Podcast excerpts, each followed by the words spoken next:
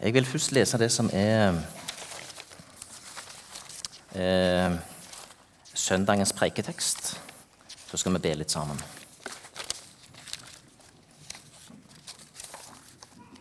Matteus kapittel 23, vers 37-39. Jerusalem, Jerusalem, du som slår profeten i hæl og steiner dem som blir sendt til deg. Hvor ofte ville jeg ikke samle dine barn som en høne samler kyllingene under sine vinger? Men dere ville ikke. Så hør, huset deres blir forlatt. For jeg sier dere, heretter skal dere ikke se meg før dere sier, velsignet være Han som kommer, i Herrens navn. Vi ber sammen. Ja, Jesus, takk for disse alvorlige, ransakende tekstene.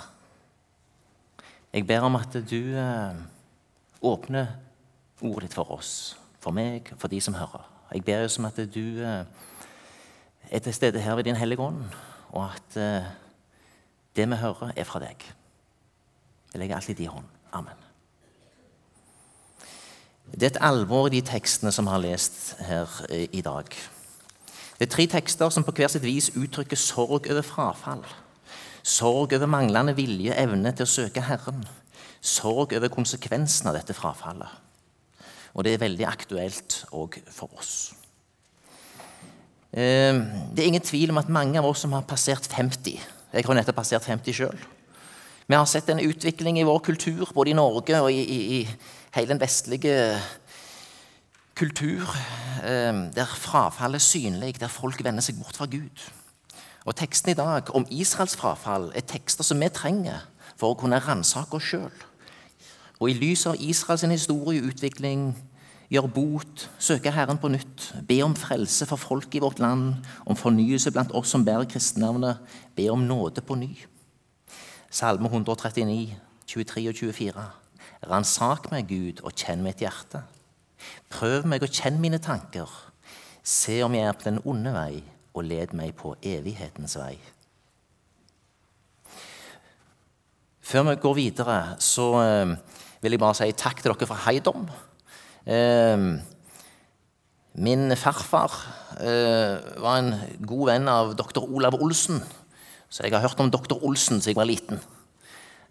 Farfar var ikke så heldig at han fikk lov til å reise ut som misjonær igjen etter han kom hjem fra Kina. Eh, Dr. Olav Olsen reiste videre til Tanzania etter hvert i Kina og, og fikk starta dette arbeidet. Og det er, det er, jo bare et stort under, og det er flott dere kommer og minner oss på hva misjon har ført til, som dere sjøl sa. Eh, og jeg tenker at Det er fint hvis vi fremover kan ha litt misjonsinnslag av den typen som både er for feltene i dag, og det arbeidet som har fått være med på. For det er uansett til inspirasjon. Det er enormt inspirerende å se hva, hva som er blitt skapt. Så er det jo sånn for NLM, som etter hvert er en moden, eh, voksen institusjon, at det er en del arbeid som man har drevet, som man ikke driver lenger. Det er jo nesten som med ungene. Sant? De blir 18-20, og du kan ikke styre dem helt. Sånn tror jeg det òg er med, med, med, mange av disse oppleggene, og Heidom. Men det interessante er jo, jeg har jobba i business en del år. Og jeg var altså i et møte en gang der noen forlangte at hvis jeg skulle gjøre business med dem, så måtte jeg støtte Heidom. Eh, så det viser hvor stort dette her egentlig har blitt. Og det synes jeg er veldig interessant. Når jeg da kunne flashe med min historie og bakgrunn og fortelle at farfar min kjente dr. Olav Olsen, så var det greit allikevel. Så jeg slapp. Men det var nå så. Eh, hjertelig velkommen, og takk for det dere delte. Tilbake til eh, tekstene våre. Eh, det er noe vi må snakke litt om. Gud handler i historien. Israelsfolkets historie i, i, i, Det gamle testamentet er til konkret lærdom og til hjelp for oss i dag. Og Jesus sine advarsler og vedrop mot lederne i Jerusalem er alvorlige òg for oss, vi som i dag tenker om oss sjøl at vi er hans folk. Opptakten til eh, det som Jesus roper ut over Jerusalem, det er noen vedrop som han har ropt over de skriftlærde og fariseerne. Han har i disse vedropene ofte kalt de hyklere. Fordi de lever ikke det de sier. Så Jesus sier tidligere til kapittelet at eh, dere skal ikke egentlig bry dere om det dere skal bry dere om det de sier, men ikke det de gjør. For loven var, kunne være god, men de hadde vridd og vendt bakteriene til, til det helt ugjenkjennelige. Og dette holdt han mot dem. Eh, og det Jesus egentlig gjør her, det er å ta en voldsom oppsummering egentlig av hele vandringen for israelsfolket sammen med Herren. Til det kulminerer med at Jesus kommer til jord, og de tar ikke imot ham. Og han gir dem noen eh, saftige tilbakemeldinger. Og det er en oppsummering av mye av det som Gud har jobba med med israelsfolket. Hvor ofte vil jeg ikke samle mine, dine barn som en høne samler kyllingen under sine vinger? Her er Jerusalem nå et uttrykk for hele israelsfolket. Men dere ville ikke. Dere ville ikke. Dere ville ikke komme til meg. Dere ville ikke være sammen med meg. Dere gikk deres egne veier. Og vi skal komme tilbake til det, for Det er to måter å gå egne veier på. Det ene er sånn helt aktivt å skru av og gå sin egen vei. Den andre er den som banket opp fariserene for de skriftlærde. Det er å si at du går på Herrens vei, men at du i praksis allikevel ikke gjør det. Og Vi skal komme tilbake til begge de momentene.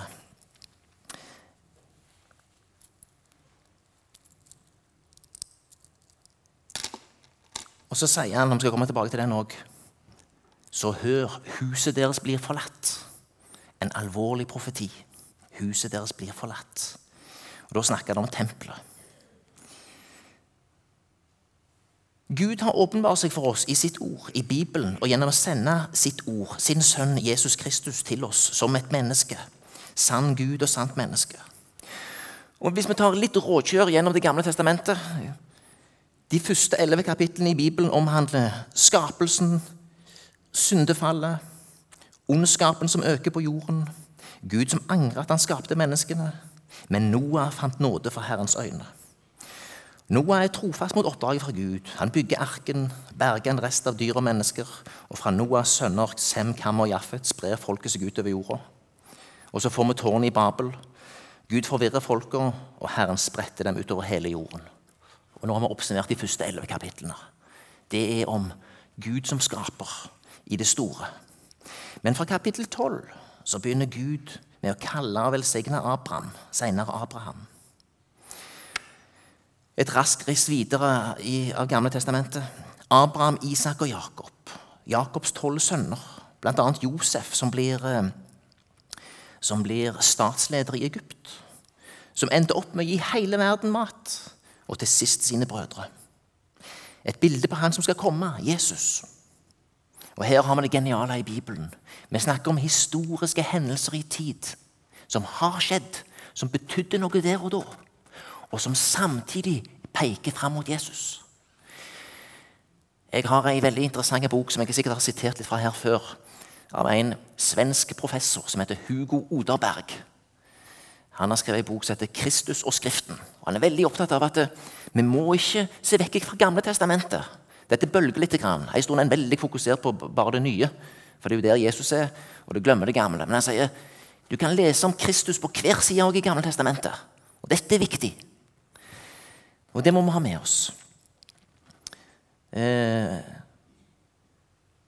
så her har vi da Josef, som også først var hos sine egne brødre i blodet, men som ble avvist av sine egne.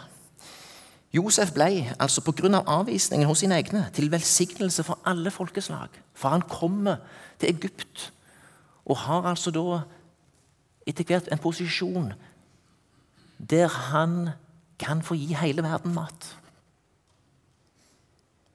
Og Slik er det med Jesus òg. Og Det er bl.a. dette teksten i dag handler om. Dette mysteriet at han som kom til sitt eget, mens han egne tok ikke imot ham. Alle som tok imot ham, dem gav han rett til å bli Guds barn, de som tror på hans navn. Johannes evangeliet kapittel 1, vers 11 og 12. Og da er vi jo litt der i den teksten som eh, ble lest fra Paulus. Jeg har en stor sorg i hjertet, noe som alltid piner meg. Jeg skulle selv gjerne vært forbannet og skilt fra Kristus. Var det bare til hjelp for mine brødre og landsmenn? Og Paulus er så lei seg for jødene som ikke tar imot. Men så blir altså dette til velsignelse for alle oss andre. Guds veier er vanskelige for oss å forstå. Hans tanker er så mye større enn våre. Men det er likevel veldig interessant når vi dukker ned i ordet i Gamle Testamentet og kan begynne å følge de lange linjene. For jeg tenker at Det å forstå og ta inn over seg at Gud handler i historien, det er viktigere enn noen gang. På mange måter så lever vi jo i en veldig urolig tid. Der vi veldig fort kan tenke at uh, vi ser uh, uh, Guds handling i historien. Og så kløyves litt her, for noen mener at da blir vi litt nærsynte på ene sida. Du må ha litt lengre perspektiv for å se det. Men jeg tror uansett det er bra for oss å ha den grunnholdningen at det, uansett hva som skjer med oss og vår kultur og, og, og eh, landene våre Ja, Gud styrer. Vi kan legge hele vårt liv i hans hånd. Vi kan ha tillit til at han beskytter sitt folk. At han leder oss i smått og stort, og at han ikke har glemt oss. Vårt oppdrag er ikke først og fremst å bevare en bestemt kulturpakke rundt oss. Vårt oppdrag er å eh, følge Han som er herre i vårt liv, og utbre Hans rike og gjøre Hans vilje.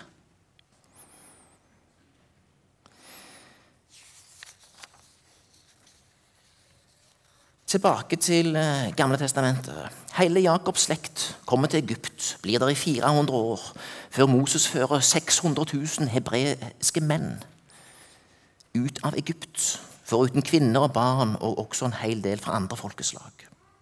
40 år i ørkenen. Bare vandringen i ørkenen kan gi grunnlag for gode preiker i minst et år. Metta med innhold og peker fram mot Jesus. Moses som går i forbønn for folket, slik Jesus i dag går i forbønn for oss. Så er det 200 år med dommere. Josva er den første dommer, og Samuel er den siste dommer og den første profet. Og så blir det konger. Samuel salver de to første, Saul og David. Og så kommer Salomo, som bygger tempelet.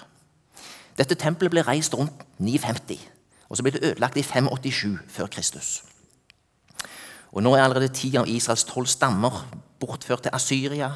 De to gjenværende er Juda og Benjamin. og Israels folk har nå blitt til judeerne. Senere blir de kalt jødene etter den ene stammen Juda. Som fremdeles altså holder linjene helt intakt tilbake til Jakobs sønn Juda. Den eneste av Jakobs og Josefs brødre som viste han litt nåde, og som bidro til at Josef ikke ble drept, men solgt som slave. Fra 587 før Kristus så er det altså 70 år i utlendighet, bortført til Babylon. Man bare tar med en fin, liten sak der. Det er så mange små hint i Bibelen som er så nydelige, og som hele veien forteller om en nådig Gud. Og sjøl i det vonde så finnes det nåde. Fordi den siste judakongen her, Jojakin, ble også bortført. Og Han kan vi lese om i andre kongebok, kapittel 25. Han blir jo satt i fengsel da, sant? han er i Babylon, i fangenskap. Så kommer det en ny konge. I det 37. året etter at judakongen Jojakin var bortført, den 27. dagen i den 12. måneden, hendte det at babylonerkongen Elvimerodak, samme året som han ble konge, benådet kong Jojakin og tok ham ut av fengselet. Han talte vennlig med ham og gav ham plass høyere oppe enn de andre kongene som var hos ham i Babylon. Jojakin fikk legge av seg fangedrakten, og siden spiste han stadig ved kongens bord så lenge han levde. Det han trengte til livsopphold, fikk han regelmessig fra kongen, dag for dag, så lenge han levde. For et fint lite hint om hvordan Gud handler med sitt folk. Tenk vi, som også har fått lagt av oss fangedrakten, og hver dag får spise ved kongens bord så lenge vi lever. Det vi trenger til livsopphold, får vi regelmessig fra kongen vår, dag for dag, så lenge vi lever. Noen fine små hint i hele Bibelen om at Gud er en nådig Gud, og i det vanskelige. Denne Judas konge opplevde å få nåde og barmhjertighet i utlendighet, i fangenskap.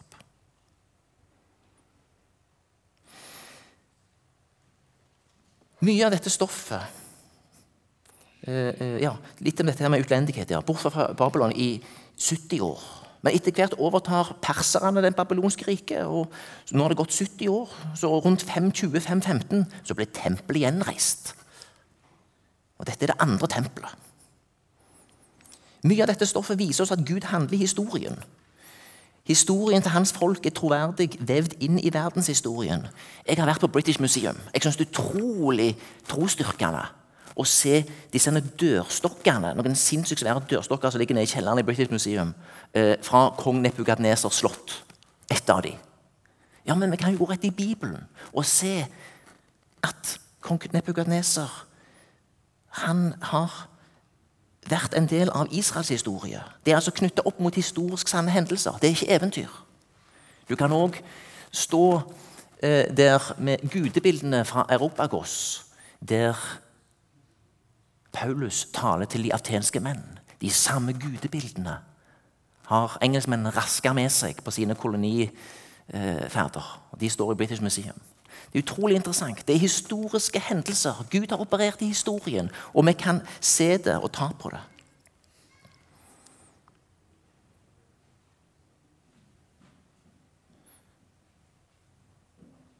Når vi står midt oppi det, så kan det være vanskelig å se Guds veier. Når vi ser ting litt i perspektiv, gjerne også et historisk perspektiv, så forstår vi mer. Gud handler fremdeles. Israels historieutvikling er her særlig interessant og trosstyrkende å følge. Kanskje ikke minst i vår tid. For fra slutten av 1800-tallet så kommer mange jøder til Palestina, kjøper opp land, omgjør ørken til frodige appelsinplantasjer. Bl.a. Jaffa-appelsiner. Gode greier, selv om en del vil boikotte dem. Og eh, eh, jeg har da Jeg har da en del interessante slektninger. Jeg har en del tanter. De, alle, flere av de er født i Kina og har mye misjonshistorie med seg. Eh, men en av dem er en utpreget samler. Noen av disse andre uh, søstrene sukker over og mener hun samler for mye. jeg har vært glad for en del av samlingen hennes, for hun har mye bøker. Så når jeg kommer der, så sier mannen hennes Kristoffer Inge, bare ta med deg en 10-15 bøker. Han håper å bli kvitt en del. det er jo litt herlig, da. så hos hun finner jeg da en veldig interessant bok skrevet av presten Skovgård Pedersen fra Danmark i 1946. Og så skriver han følgende Denne boka handler om de siste tider. Og Israel uh, har med. I 1919 utga jeg en bok som heter 'Tegn og tider'. Lik den som foreligger nå, behandlet også den særlig tegnene før Herrens gjenkomst etter en forholdsvis hurtig var utsolgt i 20 000 eksemplarer, har jeg i årenes løp fått mange anmodninger om å la den trykke opp igjen. Men jeg har stadig følt at det var skjedd så overveldende meget siden den så dagens lys. Det hadde vært så meget avgjørende for hele verdenssituasjonen og verdensbildet at det måtte en betydelig omarbeidelse til. Ikke akkurat hva de bibelske linjer angår, men alt som angår det tidsaktuelle stoffet. En slik bearbeidelse har jeg først fått tid til nå, vinteren 1946-47. Og dette er utrolig interessant. Fordi dette er faktisk før opprettelsen av staten Israel, som jeg ikke tror han så for seg kom så fort. Uh, og, og, Han dør jo etter hvert, så han har jo ikke med seg seksdagerskrigen i Jom Kippur og, og, eh, mange av disse tingene. Mens vi har altså da Kanskje mange fikk veldig øynene åpne fra 48 og framover uh, når de ser at staten Israel gjenopprettes. Og en ser så tydelig dette tegnet på at Gud handler med sitt folk. At Gud handler i historien. Dette er utrolig spennende saker. Og at Jerusalem eh, og, og, og, og områdene der nede fremdeles er midt i nyhetsbildet. Et veldig interessant eh, påminnelse til oss som kristne om at Gud ikke har glemt sitt folk. Jeg må lese noe mer, som han sier. Men profetenes syn går likevel dypere. Gud som en gang førte Israel gjennom Det røde hav og tørret Jordan for deres føtter, vil gjøre folket sterkt i Herren, midt i trengselens hav.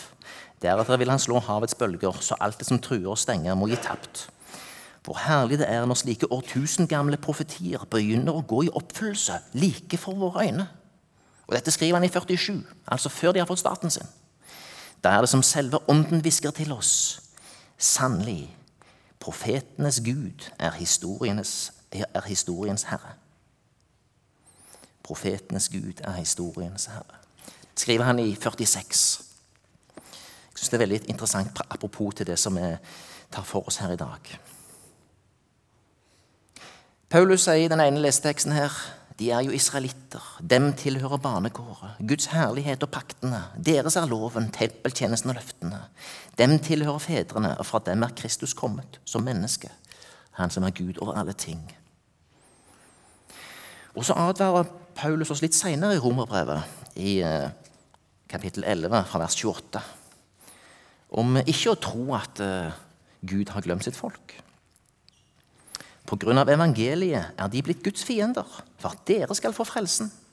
Men pga. utvelgelsen er de elsket av Gud for fedrenes skyld. For Gud angrer ikke sine nådegaver og sin utvelgelse.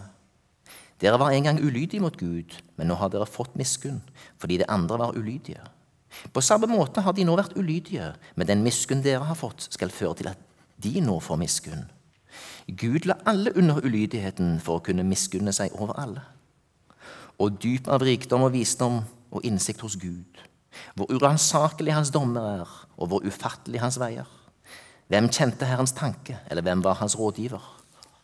Hvem gav ham noe først, så han skulle få vederlag? Fra ham og ved ham og til ham er alle ting. Ham være ære i evighet. Amen. Igjen Israel, folkets historie til lærdom for oss. Teksten fra Jesaja, Der profeterer Jesaja rundt år 700 før Kristus om at det første tempel skal falle. Tempelet faller i 587. Og det er dette som Hallgrim leste i sin oversettelse. Vårt hellige, herlige tempel, der våre fedre lovet deg, det, det er blitt et bytte for ilden. Alt vi er glad i, er lagt i ruiner. Dette skriver Jesaja i et syn, profetens syn han har, før det har skjedd. Alt vi er glad i, er lagt i ruiner. Han så hva som kom. Han så følgene av folkets frafall. Han så hva som ville skje.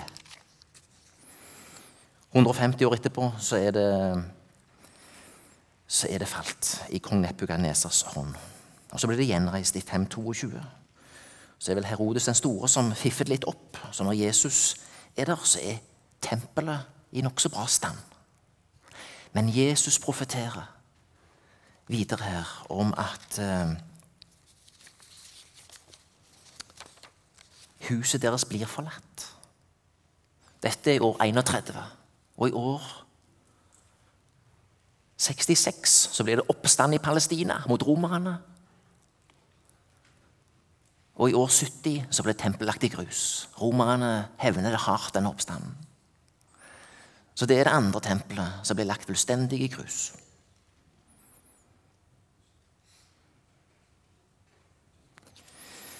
Um,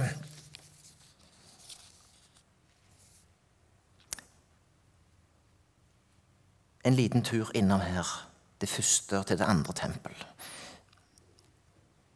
Mens det første tempelet sto, så var det konger i ehm, Det var i kongetida. Juda og Israel.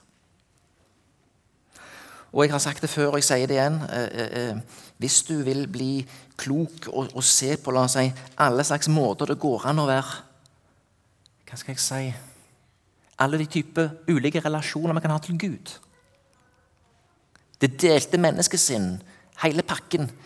Så skal du lese i, i, i Samuelsbøkene, kongebøkene og krønikebøkene. Der ser du så tydelig, så tydelig disse kongene sine ulike forhold til Gud. Vi leser litt sammen i andre krønikebok fra kapittel 24. Jeg skal bare lese noen bruddstykker. Her har vi kong Joash. Sju år gammel ble han konge. Regjerte i Jerusalem i 40 år. Joash gjorde det som var rett i Herrens øyne, så lenge presten Jojada levde. Så lenge han hadde en god rådgiver, så lenge han holdt seg i det gode kristne fellesskapet. Der han hadde Eller, eller i, ikke det kristne fellesskapet for han, men, men holdt seg nær veiledere som kjente Guds lov.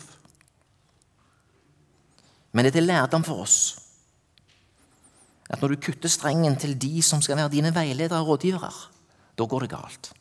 Jo, Jada blir gammel og dør. Da har han visst ikke noen ny veileder, denne kongen. Og så vandrer han på andre veier enn Herrens veier. Så det er sønnen hans. Amasha gjorde det som var rett i Herrens øyne, men ikke med hele sitt hjerte. Det er så interessant. Han ble sett på en som gjorde uh, uh, uh, fulgte Herren, men ikke med hele sitt hjerte. han begynner bra, men slutter dårlig. Så har vi sønnen hans igjen. Ussia gjorde det som var rett i Herrens øyne, akkurat som hans far Amasha hadde gjort. Et interessant statement. Akkurat som faren, altså med et litt delt hjerte. Han søkte Gud så lenge Zakaria levde. Han som skjønte seg på syner fra Gud. Og så lenge han søkte Herren, lot Gud alt lykkes for ham. Han var delt i sitt sinn, men så lenge han fulgte Herren og hans råd og hans lov, så lykkes alt for ham, midt i hans delte sinn. Dette er utrolig interessante ting. Og så ender Ussia med å ta seg en tur inn i eh, tempelet. Her står det da Ushi hadde fått stor makt, ble hans hjerte fullt av håmod, så han bar seg ille at og ble troløs mot Herren sin Gud.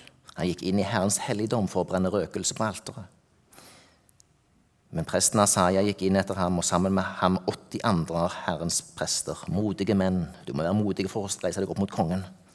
Akkurat som vi av og til må være modige for å reise oss opp mot myndigheter som vil ting som ikke er til Guds vilje. Du har ikke lov til å brenne røkelse for Herren, Usja. Det kan bare prestene gjøre. Gå ut av helligdommen. Han blir sint av denne kongen, han får en hudsykdom og blir dreven ut. Han er urein. Så har vi sønnen hans igjen, da. Jotam. Gjorde det som var rett i Herrens øyne, akkurat som hans far Ussi hadde gjort. Men han gikk ikke inn i Herrens tempel. Og han går nok ikke inn i Herrens tempel fordi faren hans ikke gjorde det, for han kunne ikke. Og Dette er jo litt alvorlig. Når far ikke går der, så går sønnen der ikke heller. Faren hadde stilt seg i en posisjon der han ikke kunne gå der, for han hadde rota livet sitt sånn til. Men det får følger for hvordan sønnen oppfører seg. Uh, og han her, da, som sjøl ikke gikk inn i Herrens tempel, han får en sønn. Akas. Han gjorde ikke det som var rett i Herrens øyne. Og han var veldig troløs og søkte alle andre veier enn til Gud. Herren ville ydmyke Juda fordi kong Akas hadde ført folket på villspor og vært troløs mot Herren. Enda Akas plyndret både Herrens hus og kongens slott og tok fra stormenn og gav til asyrerkongene, så hjalp det ikke. Og så står det her selv i denne nødstid fortsatte han å være troløs mot Herren. Slik var kong Akas. Og dette er et veldig alvor det Sjøl i motgang så søker du ikke Herren. Det er et veldig alvor når du har kommet dit. Da er forherdelsen kommet langt.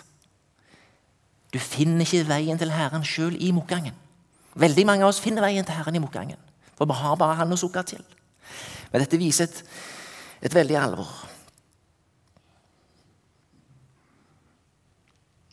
Hvis vi skal sammenligne med, med vår tid for å koble israelsfolkets historie opp mot det første tempelet og hvordan han oppførte seg der, en direkte frafall fra Gud Nå er jo vi lutherske, det er et lutherår. Kan vi tenke oss at uh, den katolske kirke, som hadde vendt seg bort fra ordet, og i praksis stengt døra til tempelet, slik Akas gjorde, stengt døra til Jesus, kan det være en god parallell? Luther, som igjen åpna opp veien til ordet Veien til frihet, veien til nåden, veien tilbake til det sanne, rene evangelium. Kan være et eksempel. Men det Jesus snakker om her, er veldig alvorlig. Han snakker om at det andre tempel skal falle. Etter at lederne gir inntrykk av å følge Gud, men ikke gjør det i sitt hjerte. De har på utsida skinn av å være så hellige, så hellige, men er i praksis totalt på villspor. De søker anerkjennelse i det ytre, men er ikke i det indre i pakke med Guds vilje. Hykleri og ytre ø, ø, hellighet, men langt fra åndens ledelse. Og her er det som vi blir ledet inn i Johannes' åpenbaring, i kapittel 3, vers 14, om Ladikea-menigheten. Dette sier han som er ammen, det trofaste og sannferdige vitne, opphav til Guds skaperverk. Jeg vet om dine gjerninger, du er verken kald eller varm. Hadde du bare vært kald eller varm, men du er lunken, ikke kald og ikke varm. Derfor vil jeg spytte deg ut av min munn. Laudikea betyr folkets rett. Og det er litt der vi er i dag, på så mange områder i de tidligere kristne vestlige land. Det er at folkets stemme er viktigere enn Guds stemme. Det folk tenker, det vi tenker med vår forstand, er viktigere enn å høre og bry seg om Herrens tanker. Og vi ender fort der, som Laudikea-menighetene, hvis vi som menighet, som kristne fellesskap, lar folkets meninger dominere hva vi tenker. Hvis det ikke er Gud og Guds ord som får styre vår tanke, så ender vi òg der. Det er derfor det er så alvorlig, og det er derfor det er så ransakende, disse reveropene som Jesus har mot de skriftlærde fariseerne tidligere i kapittel 23 i Matteus, og som kulminerer med dette eh, ropet over Jerusalem. Jeg ville samle dere, men dere ville ikke, så huset deres blir forlatt. Så er det da sånn etter det andre tempelet har falt I Israel så snakker vi om jo et tredje tempel. De vil jo gjerne kanskje reise et nytt tempel. Eh, og så er det sånn at vi som eh, er, er kristne, har fått møte Jesus og har tillit til det som står i Det nye testamentet, så kan vi lese Jesus svarte kapittel, Johannes evangeliet kapittel 2, vers 19. Riv ned dette tempelet, og jeg skal reise det opp på tre dager. For oss er Jesus Kristus det nye sonofferet og det nye tempelet. Og Dette tempelet reiser seg i form av ei kristen kirke, Kristi brud, som gjøres klar til det store bryllupet. Det er en meget ufullkommen brud, som på den ene sida kan si som Johannes sier i 1. Johannes 4, 17, b. For vi er slik som Han er, midt i denne verden. Vi er slik som Jesus Kristus, midt i denne verden, for vi har fått Hans rettferdighet. På den andre siden må vi si som samisten, vi må be om at Gud ransaker oss, viser oss vår manglende helliggjørelse, vår delte vilje og delte sinn som vi har felles med kongene i Juda. Og At dette leder oss inn i sann og sunn etterfølgelse, og at vi bruker Det gamle testamentet sine historier om Israels folk til å ransake oss sjøl og bli kloke. Filippabrevet kapittel 3, vers 9-16. Her har jeg ikke min egen rettferdighet, den som loven gir, men den rettferdighet jeg får ved tro på Kristus. Den som er fra Gud og bygger på tro. Da kjenner jeg ham og kraften av hans oppstandelse, Fordel i hans lidelser og blir lik ham idet jeg dør som han. Måtte jeg bare nå fram til oppstandelsen fra de døde. Jeg mener ikke at jeg alt har nådd dette, eller allerede er fullkommen, men jeg jager fram mot det for å gripe det, fordi jeg selv er grepet av Kristus Jesus. Brødre, jeg tror ikke om meg selv at jeg har grepet det. Men én ting gjør jeg. Jeg glemmer det som ligger bak, og strekker meg etter det som er foran, og jager fram mot målet og den seierspris som Gud fra det høye har kalt oss til i Kristus Jesus. Slik skal vi se det, alle vi som har nådd modenhet. Og om dere ser annerledes på noe, skal Gud gi dere klarhet også i det. La oss bare, så langt vi er kommet, holde fram i samme spor. Du som er her i dag, er på sporet. Du har plassert deg på et sted der Jesus må komme forbi, slik som Sakkeus gjorde i tre. Han plasserer seg i treet, på et sted der Jesus må komme forbi. Jesus så han, kom han i møte og ville komme hjem til han. Vi er ulike livsfaser, har ulik tilmålt eh, del i tro, åpenbaring og helliggjørelse. Det er godt at du kan få følge Paulus sin oppfordring om å holde fram i samme spor fra akkurat det sted du står i nå. Enten du vurderer det til å være et godt eller et dårlig utgangspunkt. Sporet mot korset, mot nådens mysterium, mot ordets åpenbaring i ditt hjerte. Mot Han, Jesus Kristus, som er veien, sannheten og livet. La oss be. Jesus, la din sannhetsånd få åpenbare for oss om vi er på fortapelsens vei eller om vi er på evighetens vei. Takk for at du leter etter oss som en gjeter som ser etter den bortkomne sau. Takk for at du vil lede oss ved din gode ånd dag for dag. Gi oss et større mål av kjærlighet, nåde og fred til å dele til de vi møter på vår vei. Gi oss oppgaver og tjenester som bevarer og bygger opp. Gi oss kjærlighet til vår neste, i fellesskapet og til de som står utenfor. Gi oss mer av din ånd. Amen.